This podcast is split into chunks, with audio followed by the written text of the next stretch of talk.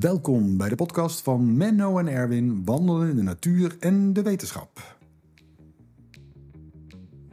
Ja, elke week een nieuwe podcast in je favoriete podcastspeler. Ja, Menno, en we zitten er weer voor, maar het is een speciale dag, want we hebben de Open Studio Days van Bano. Maar tegelijk nemen we onze podcast op en we hebben ook nog een gast. Ja, ja tegenover ons zit uh, Anneloes Opperhuizen. En daar ben ik heel blij mee. Ja. Want dat is een van de twee uh, auteurs van een boek wat net deze week uit gaat komen. Oké. En dat is een boek dat, uh, ja, dat ligt ons wel, denk ik. Het heet De Klok met Duizend Wijzers. Ah, oh, daar moet je helemaal blij van worden, Menno. Zeker. Dat is, uh... En nou, het is, het is een om het maar meteen weg te zeggen, het is een heel lezervriendelijk boek. Met als ondertitel Hoe de biologische klok je leven beïnvloedt. Het staat barstens vol adviezen wat je, hoe je het beste met de tijd om kan gaan. En uh, nou, daar, zijn, daar kunnen we heel veel vragen over stellen. Maar ik ben eigenlijk eerst benieuwd, Anneloes, uh, ben je zenuwachtig over de presentaties van het boek? Um, nou, ik heb zelf het boek uh, uh, geschreven omdat ik het vooral heel leuk vond om te doen. En uh, lang ook niet echt beseft dat mensen het ook echt gaan lezen. Maar nu is dat zover. Dus ik ben heel benieuwd natuurlijk hoe, yeah. Hoe, mensen het gaan ontvangen. Maar tot nu toe um, veel enthousiaste mensen die in ieder geval heel geïnteresseerd zijn. Dus uh, zeker benieuwd. Ja, oké. Okay. Nou ja, het boek dat bestaat natuurlijk uh, uit dingen die we in eerdere podcasts wel eens behandeld hebben. Over, nou, wat zijn klokken? Wat, hoe zijn ze ontdekt? Hoe, hoe werkt het allemaal? Uh, hoe kun je klokken gelijkzetten met licht? Dat wordt heel keurig beschreven. En dan komt er een heel spannend stuk. En dat gaat over allemaal adviezen over uh, slapen, eten, presteren, ziekte en gezondheid. Nou, oh. als lezer krijg je heel wat adviezen toegedeeld. Wat, wat vond jij het spannendst om te schrijven eigenlijk van het boek? Um, nou, er waren heel wat onderdelen die best wel spannend waren om te schrijven. Of vooral ook heel erg leuk. Uh, als je een beetje in aanraking bent gekomen met die biologische klok... wat ik dan ongeveer tien jaar geleden voor het eerst uh, heb, uh, heb gedaan... dan kom je erachter dat het met zoveel onderwerpen te maken heeft. En om dat te vatten in zo'n boek was nog best wel een uitdaging. Ja. Um, en wat voor ons, uh, denk ik, voor zowel Marijke als mezelf, een beetje misschien het nieuwste onderdeel was. En, en daarmee ook een beetje wat uh, spannender. Waren hoofdstukken over presteren um, en uh, ziekte, omdat dat ook heel divers, heel breed is. Um, slapen en voeding, daar weten we ook gewoon al wel wat meer van. Dus dat was in die zin ook een soort van makkelijker op te schrijven. Maar met name over presteren hebben we ook gewoon heel veel dingen gelezen, heel veel nieuwe dingen. Um, en valt er denk ik ook nog heel veel nieuwe dingen te ontdekken. Ja, ja zou, je, zou je wat, uh, wat, voorbeelden kunnen noemen? Van het presteren of zo? Um, ja, presteren kan natuurlijk verschillende kanten op gaan. Heel gauw, uh, mijn hoofd denkt dan heel gauw aan sport, uh, ja. die kant op. daar heeft Marijke ook echt al wel wat onderzoek aan gedaan. Bijvoorbeeld bij Olympische sporters. Mm -hmm. um, dat het uitmaakt of je, hoe laat je zwemt. En, hoe, ja, op, op of je dat ochtends of middags doet, dat het je resultaten dusdanig kan beïnvloeden. Um, dat het ook echt een, ja, zeker op dat topniveau een verschil kan maken of je bijvoorbeeld wint ja, of verliest. Dus, dus of je je serie s'morgens moet doen of smiddags, daar heb je voor- of nadeel van. Ja, zwemmen is ook wel bij uitstek een sport waarin er zowel s ochtends als s middags gepresteerd wordt. Er mm -hmm. zijn natuurlijk ook sporten die veel meer alleen maar s'avonds plaatsvinden, bijvoorbeeld. Mm -hmm. um, maar door een beetje in die literatuur te duiken, zie je hoeveel. Um, nou ja, sowieso sport een heel complexe um, ja, tak op zich van wetenschap. Maar het kan over. Het, het heeft zoveel onderdelen in zich. En in al die onderdelen, zowel wat je met je hoofd doet als uh, het controleren van je spieren, of dat grove motoriek of fijne motoriek is. Is dat kracht? Is dat uithoudingsvermogen? En in al die onderdelen zit een ritme. En ja, hoe kun je dat optimaal um, bij elkaar voegen? Kun je dat beïnvloeden door 's ochtends te gaan trainen, bijvoorbeeld? Hm. Um, maakt het uit hoe jouw eigen biologische klok staat afgesteld? Hoe dat je sportprestaties beïnvloedt? Ja. Daar valt denk ik nog heel veel in te ontdekken. Maar door erin te duiken zagen we ook al dat er al best wel veel um, ja, al best wel heel wat weten. En Menno en ik zijn echt topsporters. Dat, uh, dat zie je direct, hè Menno? Huh? Zo ongeveer. Maar is er ook een algemene richtlijn die voor iedereen geldt? Of is dat niet echt zo wat betreft... Uh... Ja, over het algemeen, als je het hebt over echt fysieke sport natuurlijk... Um, piekt dat in ja, zijn je beste prestaties in de middag of de namiddag. Of voor de meeste mensen zelfs in het begin van de avond. Het loopt gelijk met de piek in je lichaamstemperatuur. Dus ehm, voor vrijwel alle sporten is het beter om het 's middags te doen dan om het 's ochtends te doen. Oké. Ehm, maar dat is wel als je kijkt naar de, de prestaties. Eh, want je kunt ook sporten om gezondheid te behalen. En dan zijn de resultaten kunnen weer wat anders eh, zijn. Als je bijvoorbeeld zou willen afvallen of dat het goed voor je hart en eh, vaten zou moeten zijn. Ehm, ja, dus dat, dat maakt het nog weer wat complexer. Maar om Ja. echt de topprestaties neer te zetten, kun je het beste in de smiddags eh ik zie proberen. jouw ogen alweer glimmen. Dat we die wandelingen die we met de honden maken... dat we die toch wat naar de middag gaan schuiven. Nee, dat gaat dat- mooi ja. niet door. Dat gaat mooi in de vroege ochtend blijven. Ja, dat is onze topsport, hè, Menno? Zo is dat. Nou ja, het is natuurlijk niet alleen sport natuurlijk. Want eh, er is natuurlijk ook best veel onderzoek gedaan naar hoe, hoe het in, eh, op school gaat. Mhm. En dat de beste prestaties van leerlingen, vooral van jonge leerlingen, eh, nou niet bepaald heel vroeg in de ochtend zitten. Maar Nee. ik, nou ja, ik heb wel eens verteld dat ik, ik weigerde altijd college te geven voor tien uur. Want ja, dat heeft geen enkele zin. Dat Ja, gaat erin en eruit.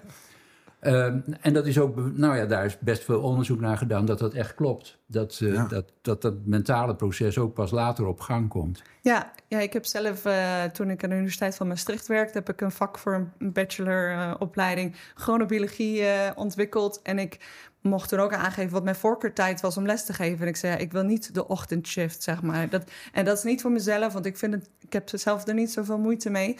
Maar ik ga niet voor een, klas staan die daar nog half slapend zit. Want ja, eh, studenten rond een jaar of twintig kun je niet verwachten dat hun brein al iets doet. ehm, zo voor negen uur 's ochtends gemiddeld gezien. Het is zo schokkend voor zoveel, leer, voor zoveel papa en mama's dit. Echt waar, dit is eh, niet te geloven. Want van welke leeftijd is dit dan ongeveer? Want ze groeien er ook weer overheen, geloof ik. Ja, ja, deze verschuiving van dat je eigenlijk een heel erg avondmens wordt. eh, we noemen dat een late chronotype of dat je je biologische klok heel traag loopt of wat later staat afgesteld, begint in de puberteit. Ehm 12, 13, 14 jaar begint Ja. die verschuiving. Eh, dat kun je wel echt wel merken. Vaak als je Ja. pubers in huis hebt, als ze Ik, 16, eh, 17 zijn. Ik, mijn dochter is 13. Ik zie het, dit zie ik Je ziet het al aankomen, ja. ja. En dat piekt tussen de 18 en de 21, zou ik zeggen. Hm. En eh, neemt daarna weer wat meer af. Wat de, meeste mensen weer wat meer gaan opschuiven terug naar iets meer ja, gemiddeld of Ja. ochtendmens. Maar die piek is echt op de middelbare school en tijdens de studententijd. Welke school je dan ook doet. En, ehm, en dat is ja, gek genoeg ook een tijd dat wij verwachten dat leerlingen om acht uur op school zitten. Eh, Ja. kwart over acht, half negen. Terwijl ehm, ja, er is aangetoond, en als je dat een uurtje opschuift, dat er minder uitvallen is, dat er minder, ze gaan minder spijbelen, de pre- prestaties zijn beter, ze worden gelukkiger. Dus het lijkt zo simpel, want je hoeft niet gelijk smiddags les te geven, maar een uurtje opschuiven zou toch ergens moeten kunnen. Nou, we hebben vandaag ook gasten in de studio van Noorderpoort. Dus ik zal het eens even doorvertellen. Dat dit toch eh, misschien in het daar iets, eh, iets mee moet. Ja, ja, er zijn testen mee gedaan, dus ik zou het eh, van harte eh, aanbevelen. Ja. Maar ja, dat, dat geeft ook meteen een van de problemen aan. Want jullie eh, geven ook in feite in het boek wel adviezen aan nou, hoe, hoe je daar beter mee om kan gaan in de, in de, in de hele samenleving. Ja. Maar ja, dan moet je dus wel de beslissers eh, weten te overtuigen dat er wat moet gebeuren. En op de een of andere manier, zoals onderwijs en gezondheidszorg, die zijn zo ontzettend conservatief in hun tijdschema. Het ziekenhuis begint altijd belachelijk vroeg, terwijl dan de prestaties van artsen helemaal niet zo goed is. Patiënten gaat het helemaal niet zo goed, dus waarom schuif je dat niet een beetje op? Ja. Maar hoe, hoe krijg je dat voor elkaar? Heb je, hebben jullie daar ideeën over? Dat is zeker een goede vraag. We hebben natuurlijk in het boek inderdaad allerlei adviezen voor gezondheidszorg, voor onderwijs, voor eh, beleidsmakers eh, en van alles en nog wat geschreven. Eh, maar hoe je die precies bereikt, dat is een langzaam proces. Ik denk dat zo'n boek en eh, zeker ook wat Marijke al langer aan het doen is, eh, en, en ook nog heel veel andere wetenschappers met allianties, met consortia, ehm, om proberen die kennis van het bewustzijn dat die klok overal een rol in speelt en hoe groot dat effect eigenlijk is. Bijvoorbeeld ook in het hele eh, de, ja, maatschappelijke slash politieke discussie over zomer- en wintertijd. Ja. Ehm, ja, om daar besef te krijgen, dat is een begin. En daarna hoop je dat er steeds meer organisaties ook adviezen gaan inwinnen. En dat zien we wel ontstaan. Maar ja, hele grote beslissingen, de, zeggen dat het hele land een uur later naar school mag. Je dat, dat, ja, wie is moet dat doen? Dat is Ja. natuurlijk erg lastig. Maar hopelijk met tijd, hè, als we dan toch over tijd hebben, dat, Ja. dat ze wel gaat komen. En dat- dit soort kleine beetjes helpen. Hmm. Ja. Men, Menno noemde net al de gezondheidszorg. Wat, wat zijn daar jullie advies? Gezondheidszorg, ja, dat is een van de onderwerpen waarvan we ook eh, verwachten hebben. En dan noem ik niet mezelf en Marijke per se alleen, maar eh, echt chronobiologen in de hele wereld. Verwachten dat daar ook nog het grootste, in de komende 10, 20 jaar, de grootste ontdekkingen in gedaan gaan worden. Ehm, en dan bedoelen we het, het beseffen dat het tijdstip van de dag voor je behandeling bijvoorbeeld nogal kan uitmaken. En er, er zijn extremere voorbeelden in. Soms wordt het al toegepast. Eh, chronotherapie wordt dat genoemd. Ehm, of bijvoorbeeld het belang van licht gebruiken in... Ja, zet een patiënt naast, in, in een ziekenhuis eh, naast een raam... en ze gaan eerder naar huis dan als ze niet in een, in een kamer met een raam liggen. En het is, het is zoiets simpels, maar het kan Ja. eh, daadwerkelijk erg helpen. Ehm, een andere factor is het tijdstip van ja, behandelingen toedienen en dan bijvoorbeeld medicatie echt. Of eh, nou, in, in eh, het veld van oncologie soms zijn er allerlei aanwijzingen dat het tijdstip van behandeling, bijvoorbeeld chemo- chemotherapie of ehm, ja, echt kan uitmaken in hoe snel iemand herstelt. Ja. Dat vergt natuurlijk heel veel onderzoek en tijd ook. Ja. Maar daar zijn wel de eerste signalen van dat dat echt eh, op allerlei terreinen kan helpen. Hm. En daar verwachten we ook wel de grootste ja, sprongen ook nog in de gezondheidszorg. Maar rekening houden met het tijdstip, eh, in ieder geval bij de diagnose bijvoorbeeld. Hoe laat je je bloeddruk meet of eh, een bloedsample neemt.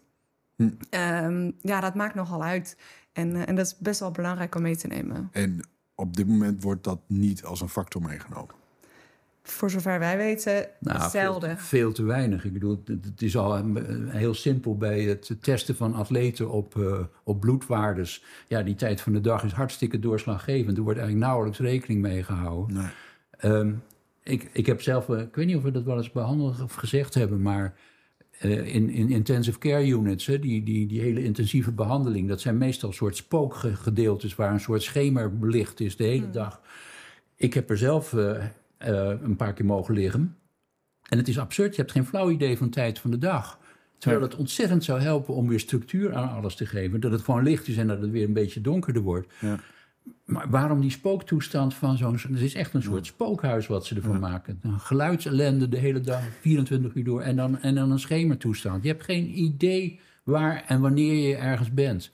Ja, ik weet dat eh, eh, specifiek ook op de IC inderdaad onderzoek wordt gedaan. Eh, de specifieke IC, de NICU voor de pasgeborenen, de vroeg, vroeggeborene kinderen, daar wordt onderzoek gedaan. Onder andere in de Erasmus MC. om, om meer ja, ritme te brengen aan die kinderen en ook patiënten op de op volwassenen IC. Onder andere in Leiden wordt dat onderzoek gedaan. En ritmes in, in hun voeding, dat dat niet permanent eh, naar binnen wordt eh, ja, geduwd, zeg maar, via, via de, Ja. de, de lijnen. Ehm, maar ook licht en donker. Natuurlijk moeten de artsen ieder moment bij de patiënt kunnen zijn. Maar zoveel mogelijk daar rekening mee houden. Ja. eh, ja, levert daadwerkelijk gezondheidswinst op. En dat zijn kleine stapjes, maar hele belangrijke. eh, Ja, elke stap is daar mooi natuurlijk. Ja, zeker. Ja. Ja. Ja, het is misschien nog wel goed om even te, na te, met jullie te, eh, te praten over jullie achtergrond. Want ehm, van Marijke weet ik, die, heeft veel aan, die is zeg maar, begonnen met slaaponderzoek. Eh, en heeft ze in Groningen gedaan. En die heeft inmiddels haar eigen bedrijf, Chrono at Work, waarbij ze dus adviezen geeft over, over slaap en, en diagnoses doet en van alles. Jou, jij hebt op het Herseninstituut, eh, ben je echt begonnen met de chronobiologie in Amsterdam? Ja, klopt. Ja, ja. na mijn eh, opleiding eh, psychobiologie en neuroscience, waarin ik dus vijf jaar bezig ben geweest met de hersenen, ben ik gaan promoveren aan het Nederlands Herseninstituut bij professor Kalsbeek. Ehm, en tijdens eigenlijk ja, in het veld van de neuroendocrinologie, dus hoe hormonen en, Ja, en, en, hormonen, en, het eh, hersenstelsel. Ja, hoe Ja. hebben die, eh, werken die samen en hoe, eh, ja, wie stuurt wat aan? En, ehm, en dan in het gebied van de metabolisme. En zelf heb ik heel specifiek naar suikermetabolisme, glucosemetabolisme gekeken. Maar tijdens mijn promotieonderzoek kwam ik voor het eerst in aanraking met dit hele ja, verhaal over de biologische klok. In die vijf jaar daarvoor had ik er nog nooit over gehoord. En Ja, dat fascineert me nog steeds. Maar Ja. dat geeft al aan ja, hoeveel kennis er nog steeds verborgen ligt. Ook in heel veel studies, biologie en neurobiologie, et cetera. Nou, je, mag, je zegt het heel netjes, maar het is natuurlijk eigenlijk belachelijk... dat, uh, dat heel veel medische en psychologische studies net doen alsof dat hele fenomeen niet bestaat. Ik bedoel, het is eerlijk gezegd zo dwaas dat in medische curricula dat nog niet ingebakken zit. Ja. Dat psychologen er voor een deel zeggen, ja, dat is biologie. Uh, uh. Het, het, beheerst het leven. nou ja, er zijn zoveel dingen die duidelijk maken hoe belangrijk die biologische klok daardoor werkt. Ja. Dat het eigenlijk, nou ja, het is een schande dat jij pas zo laat daarmee in, in aanraking kwam. Ja, ja, dat vind ik eigenlijk ook. En dat zijn inderdaad uh, goede woorden om, dat, uh, om zo te beschrijven. En uh, we hopen, dat was ook een reden om dit boek te schrijven. sowieso vinden we het onderwerp heel leuk, maar ook maar waarom weet niet iedereen dat we dit hebben? Het, het, is, het zit overal in, ieder ja. levend organisme en dus ook in ons. En het bepaalt alles wat we doen. Ja. Of het beïnvloedt in ieder geval alles wat wij doen. En Ja. daarom ook duizend wijzers. Dus het hadden er ook een miljoen kunnen zijn. Maar eh, en, ja, Ja. en wat mij betreft zou iedereen er iets over moeten maar- of mogen weten. Je gaat er nu heel snel overheen, maar, maar de titel van het boek is natuurlijk De Klok met duizend wijzers. Ja. Hoe heb je dat bedoeld? Eh, nou, de titel is nog best wel een, eh, een, een, ja, best wel een moeilijk eh, item om te bedenken. Ehm, deze schoot toevallig te binnen tijdens het sporten. Nou ja, maar we waren ja, met z'n allen in gesprek over ja, wat zou een goede titel kunnen zijn. En met tijd en klokken kun je heel veel mooie soort van. Poëtische dingen verzinnen. Maar duizend wijzers, ja, dat is gewoon precies wat die klok is. Want hij ehm, heeft zoveel functies, hij heeft zoveel takken en hij kan zoveel dingen aangeven. Want een wijzer geeft natuurlijk een bepaalde tijd aan. En Ja. eh, van alles in ons lichaam en in ons gedrag is er een bepaalde tijd die het beste is. En eh, dat, dat, daar wijst die klok naar. En dat zijn alle wijzers. ja. Dat is absoluut waar, maar dit brengt me wel trouwens op een wat zorgelijk punt in het Oh boek. Want, eh, eh, nou, ik vertel ook vaak, jullie natuurlijk ook, dat de, de piektijden, je hebt van allerlei Mhm. dingen. Je, je pijngevoel is het sterkst op een bepaald van de dag. En, je, en je, het, het, het, het effect van geneesmiddelen en al dat soort dingen. Ik bedoel, de, de blaas werkt ook op een dag- en nachtritme, helaas. Mhm. Maar dan staat er op een gegeven moment het advies... ja, het is het beste om smiddags naar de tandarts te gaan. Toen kreeg ik toch zo'n medelijden met al die tandartsen. Want Oh. als het aan jullie ligt, gaat dus heel Nederland... smiddags naar de tandarts. Hoe moet dat nou?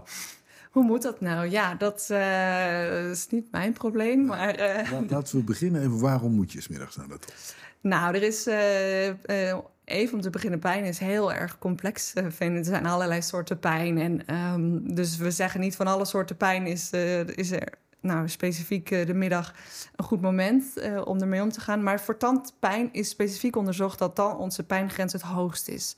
Dus als jij een pijnlijke behandeling tegemoet gaat bij de tandarts, is het eh, niet onverstandig om dat proberen in de middag te plannen in plaats van acht uur 's ochtends. Ook al is dat lekker gauw voor werk misschien of zo, dat je Ja. er dan vanaf bent en dat je er niet voor vrij te nemen. Ehm, en dat is ook prima als dat nodig is of als je dat prettiger vindt. Maar als je ja, ook bang bent voor de pijn of daar veel last van hebt, zou dat gewoon je net wat kunnen helpen. Maar ja, heel Nederland op hetzelfde tijdstip naar de tandarts wordt natuurlijk onmogelijk. Dus Ja, maar is ik zie de oplossing. De, de gewone controles die moeten gewoon 's ochtends. En als er dan iets verschrikkelijks gaat gebeuren... dan moet je dat maar smiddags Ja, doen. ja. Is- Is dat zo'n beetje de richting? Dat dan? zou zeker een goed, eh, een goed nou, hebben we idee ook weer zijn. opgelost. Helemaal goed. Nou, mooi. Nou, bij jullie boek eh, gaat natuurlijk voor een, eh, een, een deel ook over iets wat jullie heel mooi en met een wat eh, ingewikkeld woord aanduiden als het circadiaan syndroom.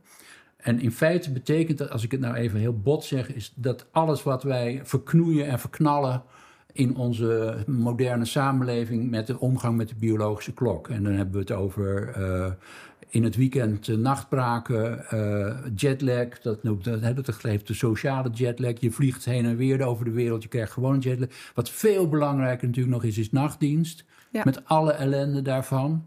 Eh, zomertijd, wintertijd, wat ook de zaak weer in de war stuurt.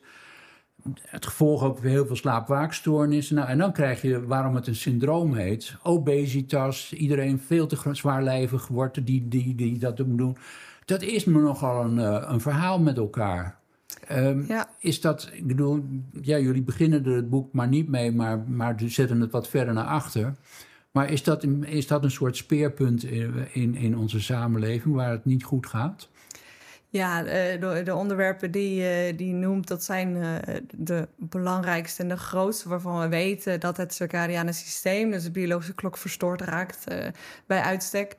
Ehm, en die gezondheidsproblemen veroorzaken. Nou, we hebben ook nog één hoofdstukje waarin we het niet helemaal uh, precies kunnen zeggen van het begint uh, bij de ziekte of het begint bij de, bij de klok. Um, en uh, toen we dat hele deel hadden geschreven, hadden we ook zoiets van: jeetje, er is wel heel veel mis met die klok. of uh, waarom hebben we dat ding eigenlijk? Want het, ja, het levert ons ook veel, het lijkt heel veel ellende op. Mm -hmm. um, maar het geeft ook vooral inzicht, van, ook een beetje de vraag van waarom, waarom leven we zoals we leven en waarom maken we bepaalde keuzes? Kunnen we daar niet wat aan doen? En uh, ook inzicht geven van ja, we kunnen wel al die symptomen bijvoorbeeld proberen te bestrijden. Maar als je doorhebt waar, het, waar ook oorzaken kunnen liggen, waaronder het circadiane systeem een belangrijk element uh, in onze ogen daarvan is. Um, ja, zouden we misschien daar wat meer naar moeten kijken. En, en, en bijvoorbeeld bij nachtwerkers ja, oké, okay, we hebben nachtwerkers nodig. Dat is super fijn voor de veiligheid en als je geopereerd moet worden, et cetera. Maar is het ook nodig dat we de mensen morgen, dat we per se morgen dat pakketje moeten hebben? Dus vannacht moet er iemand in een magazijn zijn werk zitten doen voor ons en dus de gezondheid te verstoren. Dat zijn dingen, daar kun je over nadenken Ja. en uh, hoe je daarmee om moet gaan. Nee, zeker. Er zit, dat is in feite een soort uh, nou ja, maatschappelijke verantwoordelijkheid die we met elkaar hebben. Ja. En, en er zijn natuurlijk ook best, er beginnen wel uh, redelijk wat studies nu op gang te komen hoe, hoe natuurvolken uh, dat doen. Ja. En, ja, en die leven over het algemeen in deze wel heel wat gezonder dan wij. Ja. Die, uh, ja, maar jongens, als ik mijn vrouw moet gaan vragen of ze de pakketjes toch twee dagen later wil hebben, dat weet ik niet hoor. Dat wordt lastig. ja, echt nou ja, maar dan uh, nemen we haar wel eens een keer mee naar zo'n uh, zo verzameling mensen die ellende Oh, hebben ervan. Ehm, Nee, en, en het, het, is natuurlijk ook daar weer... Het is niet alleen een kwestie van ja of nee... maar het is natuurlijk ook een kwestie van hoe. Ik weet nog wel dat uh, bij, bij ploegendienst... met Marijke heb ik samen ook nog wat dingen gedaan... wat vroeger de hoogovens heten. Hmm. En uh, ja, daar hadden ze ook een patatautomaat in de nacht. En dat is Oh, ja. nou niet bepaald het beste eten... want dat vette eten kan je helemaal niet goed verteren s'nachts. Nee. Ja. Dus daar, daar begint geleidelijk aan wel wat aan te gebeuren. Eh, maar het betekent dus, als je dan zo'n nachtdienst hebt... Ja, dan moet je je levenswijze daar ook al een beetje aan aanpassen. Dat, je, dat je niet doet alsof je alles kan, ook in de nacht. Ja, ja, we hebben geprobeerd uh, verschillende scenario's te schetsen... en uh, ook verschillende adviezen. Want je kunt ja, slaapproblemen hebben of uh, nadenken over wat zou je wel of niet kunnen, kunnen eten. Moet je überhaupt wel eten? Uh, hoe zou je je dag moeten indelen? Nou ja, hoe kun je met licht omgaan? En gelukkig wordt daar heel veel onderzoek naar gedaan. Noodzakelijk ook, want de druk uh, bijvoorbeeld in de gezondheidszorg is al torenhoog. En ja. nachtwerk veroorzaakt heel veel uitval.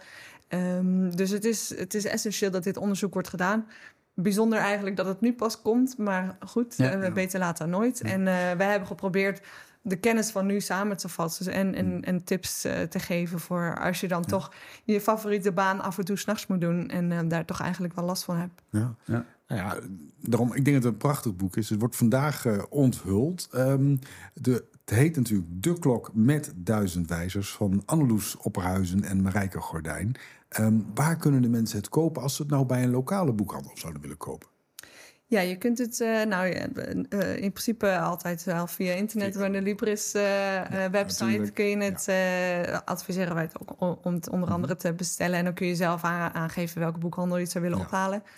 Uh, en als zoveel mogelijk mensen het in een boekhandel vragen, dan gaan ze het misschien ook uh, ja. gewoon uh, in, de, ja, in de winkel kunnen krijgen. Maar jullie hebben toch een keurige uitgever. Die moeten gewoon zorgen dat het boek overal in de boekhandel te verkrijgen ja, het is. komt helemaal goed. ja, dus, ja, die gaan daar en niet altijd helemaal zelf over, maar het zou mooi zijn. Ja, nou ja, de klok met de duizend wijzen. Het is een makkelijke titel. Je kan, onthoudt hem zo. En uh, Anneloes Opperhuis en Marijke Goedijn. Als je die twee namen ziet, is, is het ook goed.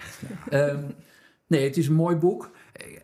Als laatste vraag wil ik eigenlijk uh, zeggen: er staan wel heel veel adviezen in. Ja. Um, wat is nou het allerbelangrijkste advies eigenlijk, wat je de lezer meegeeft? Het belangrijkste advies. Um, nou, wat ik mezelf uh, een paar jaar geleden heb geprobeerd uh, aan te leren. Besef dat je zo'n klok hebt. En dat je niet de hele dag op een horloge of een telefoon of een scherm of iets dergelijks hoeft te kijken van hoe laat het is om te moeten slapen, om te eten, om te, nou, te doen wat, wat je eigenlijk al voelt. Je hebt een klok. Uh, die helpt je om gezond te blijven en om, uh, om, je, om je beste leven te leven. En als je daar nou naar probeert te luisteren, um, denk ik dat dat je, ja, iedereen ten goede komt. Dat, dat is eigenlijk uh, de bottom line van, van het boek. Nou, hartstikke mooi. En als ik ooit nog op de Olympische Spelen ga zwemmen, Menno, het kan, ik heb ambitie, hè, dan doe ik dat gewoon uh, smiddags. Dat gaat helemaal goed. Um, Anneloes, hartstikke fijn dat je hier was. Wij gaan uh, afsluiten. Heb je nog een laatste opmerking, Menno? Nee, mooi boek. Uh, heel nuttig voor iedereen. En vooral ook voor die beleidsmakers die zulke domme dingen doen in de gezondheidszorg en het onderwijs. Die moeten dit. En politici niet te vergeten. Die nee, ik ga je gewoon heel domme dingen. Ik ga je nu Ga eens een boekje lezen. Ja. Super. Goed, dit is het einde van onze podcast. Menno en Erwin in de natuur en de wetenschap. Vind je het nou leuk? Nou, volg ons dan in je favoriete podcastspeler.